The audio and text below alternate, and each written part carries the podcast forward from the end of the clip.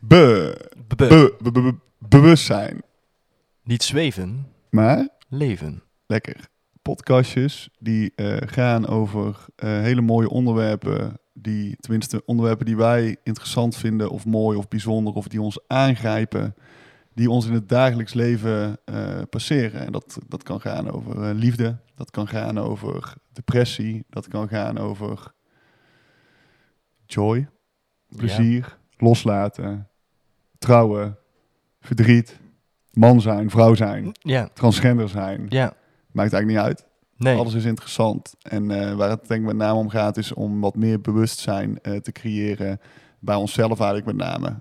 En bij degenen die daarvoor openstaan om naar te luisteren. Dat, ja, dat is het eigenlijk. En eh, luister zonder oordeel, of probeer dat in ieder geval. We hebben altijd oordeel, maar probeer altijd met open vizier en een pluralistische blik. Dat wil zeggen met, ja, dat er meer waarheden en, en, en, en dat meerdere mensen een bredere kijk hebben op zaken. Naar onze podcastjes te luisteren.